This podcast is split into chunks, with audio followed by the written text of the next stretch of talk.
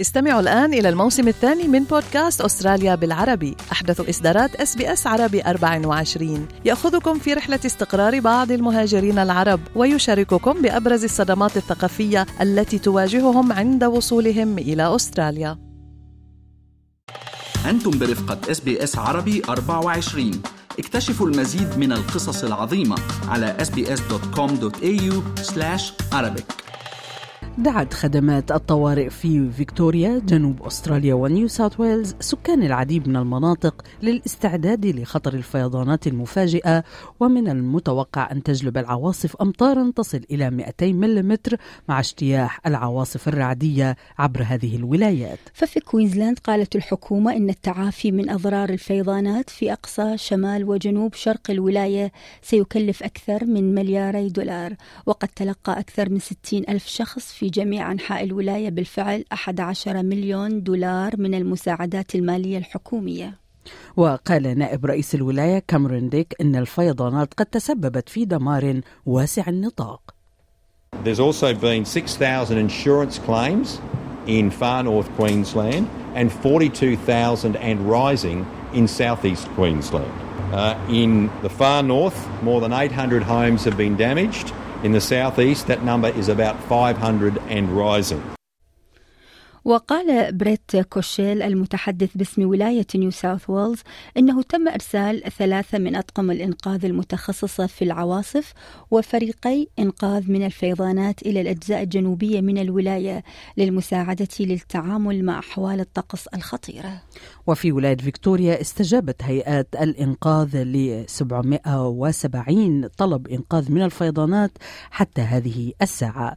وقال متحدث باسم مكتب الأرصاد الجوية ل ABC News Breakfast هذا الصباح أن الطقس ليس طبيعيا بالنسبة لفيكتوريا في موسم الصيف How bad rainfall feels, how much damage it can cause, really depends on how it compares to the average. Queensland typically sees a lot of rainfall uh, through the summer period, and Victoria typically sees a lot less rainfall. So when it comes down so fast and so heavy, it can certainly lead to some very significant impacts.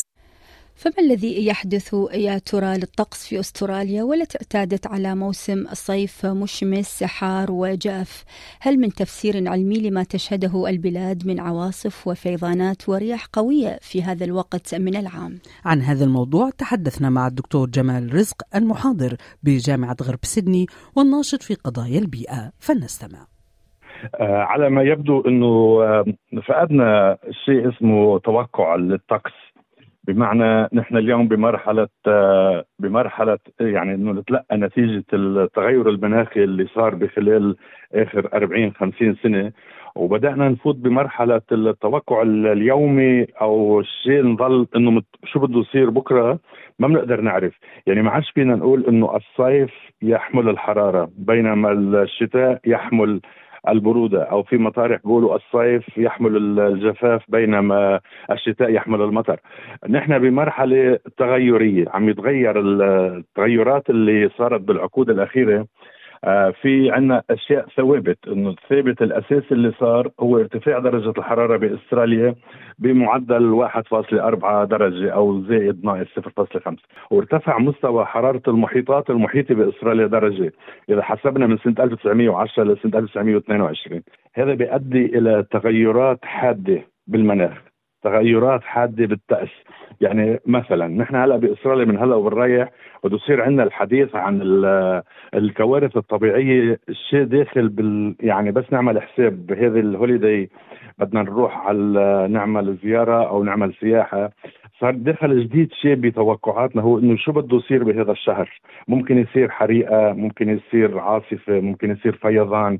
لكن من هلأ وبنريح بدنا نبلش نتعامل مع الكوارث الطبيعية كشيء دخل بحياتنا اليومية بالبروجرام تبعنا ببرامجنا الحياتية دخل شيء اسمه الكوارث الطبيعية واللي هي مش متوقعة واللي ما بنعرفها واللي ما بنقدر نوقفها. نقدر نحد من أثارها مثل ما حضرتك حكيتي إنه في مطارح بلشت تستعد للفيضان. بكويزلاند بلشوا يستعدوا للإجلاء إجلاء السكان استيعاب الكوارث الطبيعية.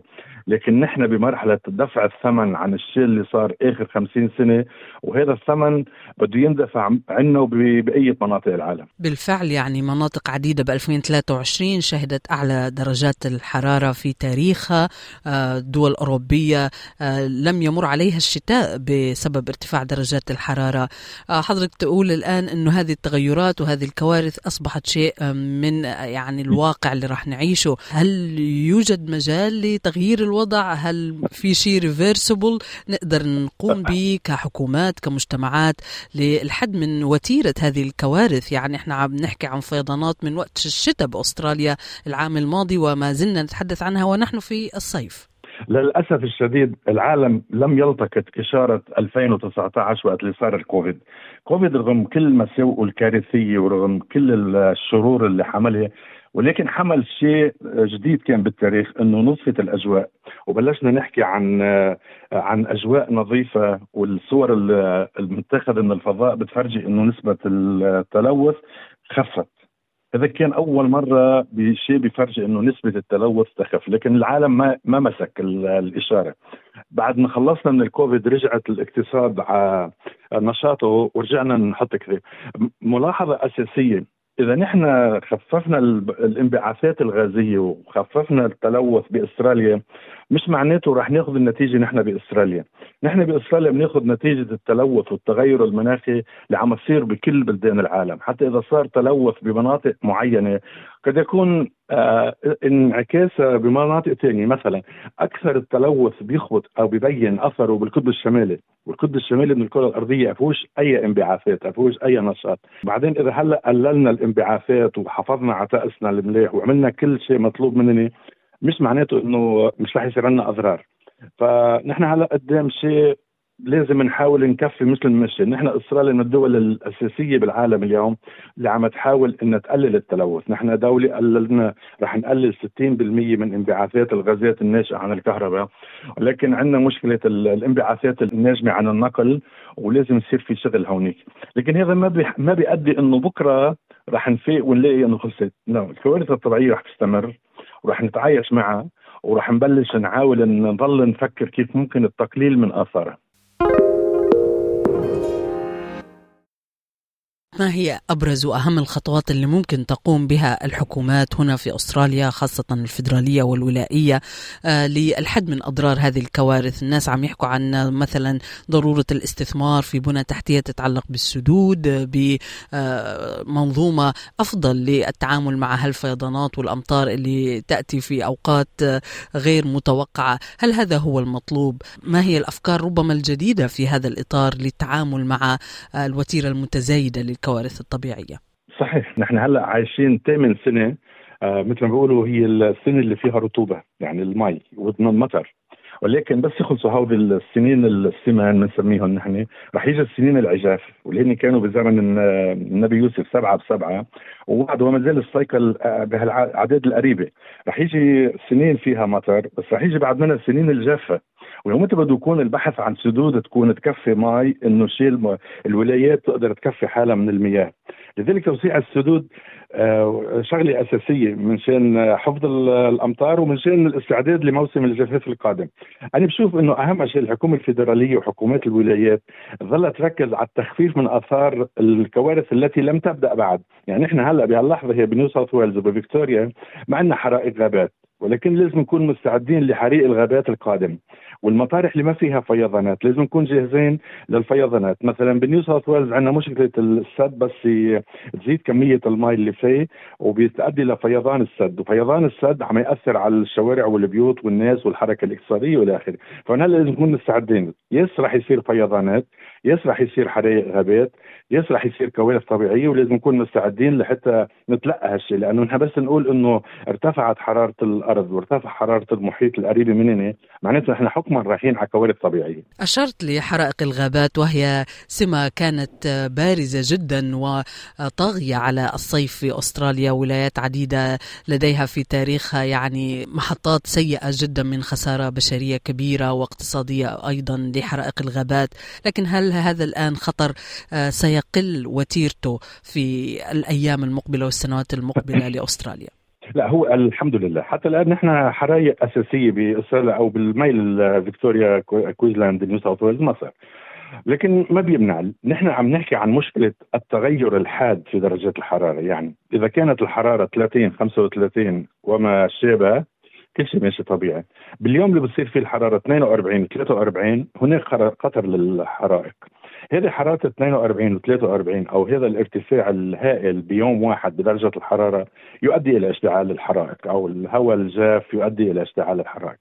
نحن بلشنا نتعايش مع شيء اسمه آه، مشاكل طبيعية قادمة إن شاء الله ما بيصير لكن بدنا نكون مستعدين إنه هذا التغير اللي هلأ بتكون الحرارة 18 اليوم بكرة بتصير أو بعد الظهر أو ثاني يوم بتصير الحرارة 40 هذا التغير المفاجئ بدرجات الحرارة باليوم أو باليومين يؤدي إلى عواقب وخيمة. حضرتك دكتور جمال رزق متابع لهذا الملف الحيوي داخل أستراليا وخارجه بعد سنوات من الحديث عن التغيرات المناخية ومخاطرها هل لديك تفاؤل من إنه ربما الآن الناس وعوا أكثر المجتمع الحكومات بضرورة أخذ موضوع التغيرات المناخية والتعامل مع تداعياتها بشكل أفضل أم بترى انه البعض ما زال يتجاهل هذا الملف في سبيل ربما التنمية الاقتصادية أو المكسب الانتاجي الانتخابي أنا كثير كثير بفتخر إني أكون مواطن أسترالي وإني حدث العالم كله عن الشغلات اللي عملتها الحكومة الفيدرالية خاصة حكومة ألمانيزيا الحالية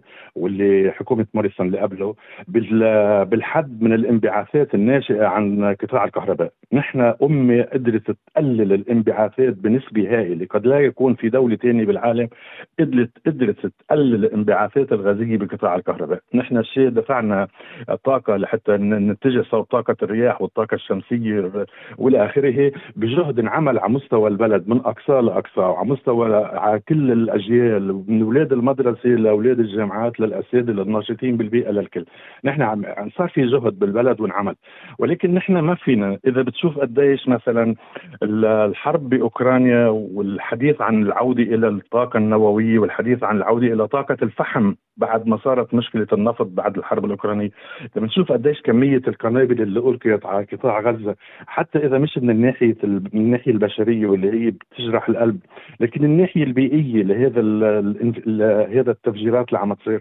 إذا بنشوف قديش العالم لما حكم اليمين بالبرازيل وتم حرق الأمازون هذا الأمور اللي صارت بدين دفع الثمن كله مش شرط يكون بنفس المطرح اللي عم يصير فيه. احترقت غابات الأمازون الثمن بده يدفعه العالم كله.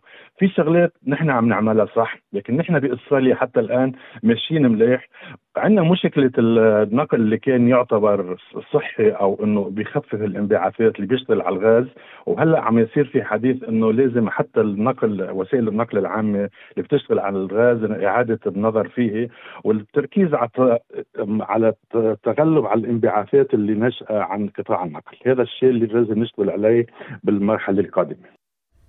كان هذا الناشط البيئي والمحاضر بجامعة غرب سيدني الدكتور جمال رزق متحدثا إلينا مستمعينا عن الطقس المتقلب الذي تشهد العديد من المناطق الأسترالية وخطر الفيضانات المفاجئة الذي آه، ساد في فصل الصيف على غير العادة هل تريدون الاستماع إلى المزيد من هذه القصص؟